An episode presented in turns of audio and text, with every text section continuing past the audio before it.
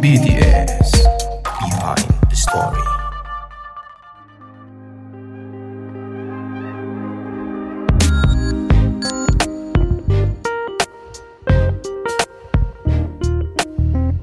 selamat malam semuanya. Kembali lagi di podcast Roadcast di season BTS atau Behind the Story lagi. Buat baru, yang baru dengar, langsung aja di follow sama dikasih rating bintang 5. Podcast ini kalian pasti bakal suka deh. Dan mohon maaf ya kalau misalkan ini agak suara hujan karena di studio kita itu studio nggak tuh.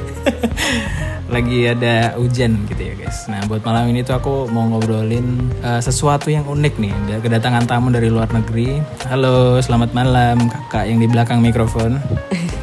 Halo, selamat malam. Selamat siang di sini sih. Oh di situ siang ya di Jerman. Iya. ya? Aduh. Iya, oh iya kita beda berapa jam? Kem, sekarang tuh beda 6 jam. Beda 6 jam ya. Oh. Iya, betul betul. Oh ini perkenalan dulu dong. Perkenalan dulu nama panggilannya siapa. Terus kamu sekarang lagi ngapain sih di Jerman tuh? Oke. Halo semuanya, selamat siang. Em, nama aku Sania. di sini malam sih. oh ya, selamat malam. Oh iya. Nama aku Sania. Aku sekarang lagi Oke. studi dan juga bekerja di Jerman sebagai perawat. Begitu sih. Sambil iseng-iseng aku juga ya sesekali konten di TikTok kayak gitu-gitu. Sosmednya apa nih? Boleh dikasih di deskripsi dong di sini. Oke, Instagram Sania sama RQ. TikToknya boleh gak sih? Sania RQ itu TikTok sama Instagram username-nya sama. Oh sama, oke. Iya, Nanti iya. langsung dicek di deskripsi ya teman-teman yang kepo nih. Atau mungkin tanya-tanya, mau tanya-tanya gimana sih aku pengen juga di Jerman gitu. Nanti Boleh, boleh, biar boleh. Sania cerita deh di belakang ya kan. Iya, boleh boleh boleh banget. Sebelumnya kamu udah pernah dengerin podcastku belum Sania? Sudah dong. Jadi saat kamu.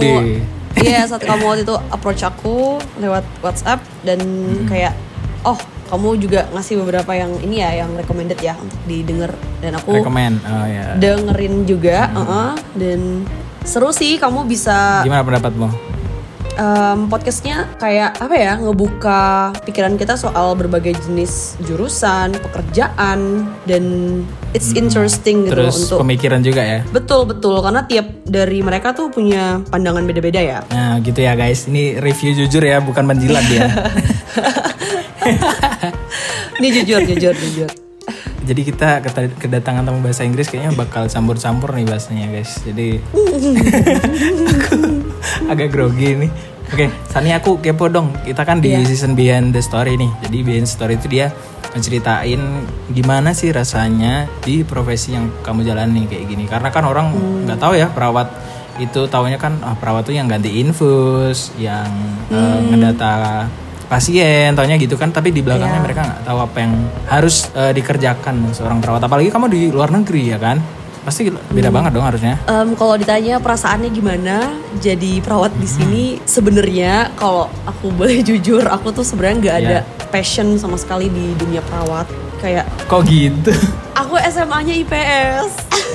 iya karena Oke, oke, kayak oke. Nggak ngerti juga kenapa akhirnya bisa Hmm. pilih ini. Mungkin karena chance untuk orang Indonesia ataupun uh, Ya. orang luar negeri yang pengen nerusin karir di Jerman itu tuh peluang di dunia perawat tuh gede banget dan aku Ah. kayak yang ya udah deh bantir setir aja cobain dan ya akhirnya Cobain. suka. Tapi awal-awal tuh kan aku nggak suka ya. Jadi aku awalnya ikut program yang namanya FSJ. Kalau di bahasa Jerman itu kepanjangannya dari Freiwillige Soziales Jahr. Aduh apa itu? Ya ampun bahasa Jadi- Jerman. itu itu tuh program volunteer gitu, Oh, volunteer oke. gitu sebagai relawan. Sebagai relawan di Ya. Jerman. Iya, dan aku kedapatan di rumah sakit khusus psikiatri. Enggak enggak. Jadi eh, awal mulanya kamu bisa sampai ke Jerman tuh berarti gara-gara ikut ke volunteeran ini. Betul. Dan aku mulai eh, apa ya coba-coba arus ya, cek-cek ombak gitu. Gimana sih rasanya bekerja di dunia perawat? Awalnya ya bingung ya karena kan nggak ada basic. Terus setelah satu tahun aku jadi volunteer di sini di rumah sakit. Akhirnya aku mendaftar untuk program Osbildung namanya. Itu program bekerja sambil sekolah. Berarti kamu tuh lulus SMA langsung ke Jerman atau gimana? Apa kuliah dulu? Em, sempet gap year Ah. dulu aku di Indonesia satu setengah Indonesia tahun tuh? kayaknya setelah Iya iya, bener tapi dong. gitu kayak aduh kayak gimana gitu ya kan. Ya terus terus terus. Oh. Iya. aku sempat gap year setelah sambil ngurusin ini kan dokumen-dokumen, Ngurusin SIM. ngurusin visa sih, ngurusin visa. Iya, oh iya. Iya, iya. Tapi waktu itu corona, jadi Oh. nunggunya lama banget. Kamu di Jerman udah berapa lama sih? Hampir hampir tiga tahun. Iya. Ya ampun betah banget di Jerman dia. Alhamdulillah. Berarti kamu Iya, gap year begitu. satu tahun, terus kamu ambil kevolunteeran ini sambil Iya. sekolah di sana. Mm-mm. Abis itu Oh. em, aku langsung daftar kan di rumah sakit ini menawarkan sekolah perawat dan kita tuh programnya tuh sekolah dan bekerja sekaligus. Oh iya iya. Uh-uh. Eh, ini kelas karyawan lah kalau di Indo ya. Iya Iya nggak kayak sih? sekolah, iya kayak sekolah profesi, sekolah vok- vokasi gitu-gitu deh. Oh vokasi, ya ya ya ya. ya. Jadi kayak Tahu, kita tahu, tuh datang satu bulan tuh teori blok, nanti bulan depannya kita praktek. Nanti kita teori lagi, kita praktek lagi. Gitu tuh sampai lulus. gitu terus sampai lulus. Sekarang udah masuk tahun ketiga, berarti bentar lagi lulus dong. Karena aku setahunnya dipakai untuk voluntary, sekarang aku udah tahun kedua. Oh tahun kedua, berarti masih dua tahun lagi. Enggak, cuma tiga tahun programnya. Aku lupa Oh bilang. berarti D3 ya, D3. Eh, ini nih agak susah nih kalau orang nanya. Ini setara D3 Oh, agak apa beda ya? setara apa? Iya, aku juga bingung kalau ditanya setara apa. Ini lebih ke just sekolah profesi sih gitu. Oh iya iya, ngerti ngerti ngerti. Berarti Iya. sekolah profesi keperawatan ya. Betul, betul. Kita lebih hemat waktu nggak sih kalau kita langsung sekolah profesi? Kadang karena kalau kita guru tuh biasanya kita ambil S1 dulu, terus baru itu kita baru Hmm. sekolah profesi ya kan? Iya, iya, bener banget sih. Tapi kenapa nggak harus langsung aja ya? Itu dia, kalau di tempat kita kan beda ya, kayak lebih ke akademisnya dulu ya diutamain. Tapi kalau di sini kita di mix aja udah. Jadi teori dapat, praktek dapat at the same time gitu. Widih, at the same time ini. Aduh, maaf ya. Bisa, bisa, Aku- dikit-dikit dong. Tapi di samping aku Ausbildung ini kan enggak kategori bachelor ya, enggak S1 ya. Jadi di samping itu aku ngambil kuliah online gitu sih untuk S1-nya. ya ampun. Kenapa Di- kamu harus ngambil S1 coba? Padahal kamu sekolah profesi itu udah cukup banget karena yang yang dibutuhkan tuh kalau di luar negeri kan skill ya. Iya, bener sih. Mungkin mungkin itu bakal berguna kalau misalnya aku cuman di dunia perawat doang selama-lamanya sampai aku tua. Tapi aku kayak mikir Selama-lamanya. aku kayak mikir aku nggak pengen selamanya jadi perawat. Kayak capek. Capek banget. Pengen jadi selebgram juga ya katanya. itu bonus sih, bonus, Oh, bonus. apa sih? Oke oke Tapi oke. makanya aku milih ngambil kuliah online juga demi gelar. Dan aku Demi ngambil gelar. ngambil jurusan bisnis administrasi. Administrasi bisnis gitulah. Tapi di Jerman juga ya? Em, itu kampus internasional sih, tapi lokasinya nggak di Jerman, di Italia sih kayaknya. Iya, Ya ampun ini orang nomaden banget ya. Maksudnya habitnya itu nomaden banget di Jerman lah, kuliahnya di Italia, kuliah online-nya. Terus bahasanya Inggris. Bahasa Inggris, bahasa Inggris. Jadi berarti kamu mau ngasih berapa bahasa nih? Eh, bahasa Indonesia, bahasa Minang, bahasa Melayu. Oh, Minang, kamu orang Minang. iya, aku aslinya suku Minang. Suku Minang di Minang tuh eh, Sumatera ya? Iya, aku Orang Padang ya? Iya, keluarga aku dari Padang, tapi aku besar di Pekanbaru, di Riau. Oh oke, jadi, Jadi- kamu bisa empat bahasa ya? Eh lebih ya? Lima ya? Aduh, kalau sama bahasa daerah ya lumayan ya. Enggak ada yang bercanda.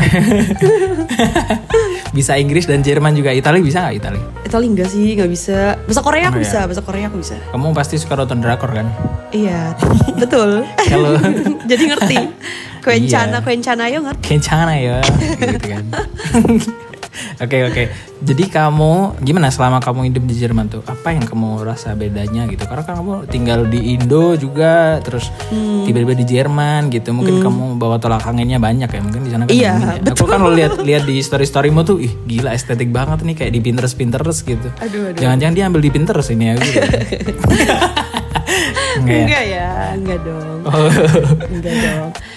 Em, ini perasaan dari segi kehidupan Eh, biasa aja atau lingkungan. pekerjaan juga? Eh, eh, dari yang basic-basic saja dulu kakak. Kalau dari ya perbedaannya pasti kontras banget ya. Kayak kalau di Indonesia tuh terbiasa semuanya udah ada gitu. Misalnya mau bikin apa yang kayak ngurus-ngurus dokumen lah ngurus inilah ngurus itu tuh udah tersedia semuanya gitu loh. Dan kita bisa nanya sama orang kita bisa minta tolong sama orang dalam ya Kita sedalam bisa- itu kan? bisa Eh, tanya di sana ada tren gini gak sih? Emang boleh sedalam itu gitu? nggak ada dong cuma Emang kita boleh doang seboleh ini? Cuman oh, Indonesia oh iya. doang. Trennya nggak sampai situ ya? tapi di Oh FVP iya, aku terus, ada terus, sih ya Iya, terus kan kamu orang Indo kan? Iya. Terus kayak yang Terus? sampai di sini tuh kita harus bener-bener bisa ngerjain semuanya sendiri. Jadi Ah, urusan mean, urusan birokrasi, urusan apa sih ngurus dokumen sebagai iya administratif sebagai orang-orang pendatang ini kan ribet ya banyak ya. em, perintilan-perintilan dokumen. Nah itu tuh kita mau nggak Iya. mau harus berani, harus bisa survive sendiri. Itu salah satu yang paling berat sih. Terus apalagi ya? Emang enggak enggak contohnya ketika kamu pengen pas kamu pengen cari dokumen kamu tuh nggak bisa tanya-tanya orang dulu gitu apa kamu langsung datang aja bikin aja atau gimana? Iya, aku mungkin kalau mau nanya ya nanya sama orang Indo yang di Jerman mungkin. Tapi kan susah ya, tiap kota, tiap daerah di Jerman itu punya kebijakannya sendiri-sendiri gitu loh. Jadi harus emang harus bener-bener pintar birokrasi, harus pintar ngomong sama orang ya kantornya segala macam. Dan ya nggak bisa dipungkiri kesulitan kita sebagai pendatang itu banyak banget untuk ngurus administrasi doang. Karena ibaratnya visa itu udah kayak nyawa gitu loh. Iya ya. Iya. Visa tuh krusial sekali. Iya bener, karena kalau nggak ada itu mau ke mana-mana susah, ketahuan polisi di deport, jadi berat lah itu. Terus terus terus selain independently-nya harus gede banget apalagi nih. Makanan sih kangen banget. Oh iya, sumpah ya makanan Iya. ya. Di sana makan roti mulu ya katanya. Awal-awal iya, awal-awal gitu aku kayak Ada sari roti gak sih? Aduh, sebut merek gitu. roti di sini keras-keras semua lagi. Tapi awal-awal sih aku banyak makan roti segala macam karena kan Hmm. agak susah nemu bumbu Indonesia, nemu ya rempah-rempah itu agak sulit lah kan. Tapi aku pindah kota, akhirnya aku sekarang menetap di sini dan aku ngelihat kayak mulai cari-cari toko-toko Asia kan ada banyak juga di sini. Toko Asia aku beli bumbu-bumbu, Iya, iya. beli rempah. Jadi masak sendiri sekarang, nggak makan roti lagi, aku makan nasi terus. Widih, ada yang jual beras ya? Ada dong, kan ini Oh, iya. banyak kultur lain di sini. Ada yang toko-toko Indo gitu juga ada. Tapi harganya mahal pasti ya. Hmm, betul betul. Kalau restoran Indo sih di kota aku nggak ada. Aku harus ke kota lain, mungkin kayak Munich. Kamu tuh kota Munich kan Munchen. Aduh, di Munchen, Bayern Munchen kamu Aku deket situ, ke situ. dekat Bayern stadionnya Bayern Munchen ya? Nggak deket stadionnya banget sih. Tapi deket area Munchen juga. Misalnya kayak aku butuh ya naik kereta dua jam lagi lah dari sini. Tapi Di sana ada warung Madura ya katanya. oh iya ya, kamu kamu tahu warung Madura gak sih? nggak tahu. Aduh, warung Madura tuh biasanya yang jaga orang Madura. Ya kayak warung kelontong, tapi itu dia sedia apa aja biasanya dan 24 jam. Oh gitu. Jadi biasanya itu tersebar di seluruh Indo itu. Oh iya, tapi di sini belum ada ya? Nggak ada ya? Nggak ada. Nggak ada warung kelontong ya di situ. Nggak ada. Restoran Indo sih, di- kayak di kota-kota besar tuh biasanya ada restoran Indonesia yang jual makanan-makanan Indo, nasi padang, itu. Paling enak tuh emang makanan Indo ya. Bener. Iya kan? Terus semenjak aku mulai sekolah profesi ini kan aku mulai tinggal di apartemen sendirian. Udah nggak Mahal dong apartemen. Ya masih kalau untuk ukuran pelajar masih oke sih karena aku tinggalnya dekat rumah sakit. Jadi harganya masih aman gitu. Ya jadi udah tinggal Oke. sendiri jadi kayak udah bisa masak sendirilah masak Indo. Masak Indomie lah ya. Enggak dong. Ada di Indomie nggak? Ada ada ada ada yang jual. Ada. Aduh enak banget itu. Apalagi di sana tuh dingin ya. Kamu bersin bersin katanya ya. Iya, apalagi hujan-hujan nih. Makanya Indomie sedap. Oh iya di sana lagi musim hujan ya. Kebetulan lagi hujan aja sih dari kemarin, tapi sekarang Oh, udah Tapi di sana tuh dingin terus. Enggak juga. Em, tergantung musimnya. musim Kalau ya? iya, kalau sekarang emang lagi musim gugur, jadi lagi dingin. Hmm, aku kalau lihat storymu tuh kayak aduh pengen gitu tapi aduh, tapi kayaknya nggak kuat sih aku. Ya, coba aja. Aler- alergi dingin. Dicoba Nanti ya kalau banyak duit ya ke sana ya. Amin, amin, amin. Jalan-jalan ya kan. Iya dong. Tuh. Terus aku ini mau tanya dong, karena kamu kulitnya kan kulit Indo ya? Iya. Terus kamu ke sana tuh pasti ada perubahan gitu gak sih? Bukan ini ganti kulit ya maksudnya? Maksudnya makin putih gitu ya? Apa gimana? Iya, makin putih. Terus enggak nanti kulitmu tuh menyesuaikannya agak mungkin kamu ngerasain gatal-gatal dulu atau apa gitu. Em, awal-awal iya sih pasti ada perubahan kayak aku sempat ya kayak breakout juga gitulah gara-gara cuaca ya. Terus kulit jadi makin kering di sini karena kan dingin terus. Awal-awal waktu baru datang tuh aku pas musim dingin. Jadi kayak perubahan kulit tuh pasti. Terus emang pas lagi musim dingin tuh kulit jadi jauh lebih cerah kan.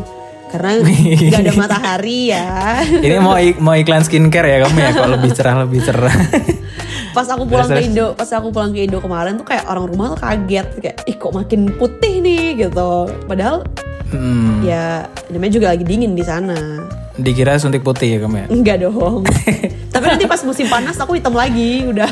Oh gitu ya. Tapi kalau kulitnya orang luar kan nggak bisa putih ya. Eh nggak bisa putih, nggak bisa hitam ya. Ya mungkin ya, karena ya karena mungkin di negara ini matahari nggak seterik di Indonesia kecuali pas musim panas. Tapi ya Aduh. sama aja sih kalau aku bilang. Tapi airnya langsung bisa diminum gitu nggak kalau di sana tuh?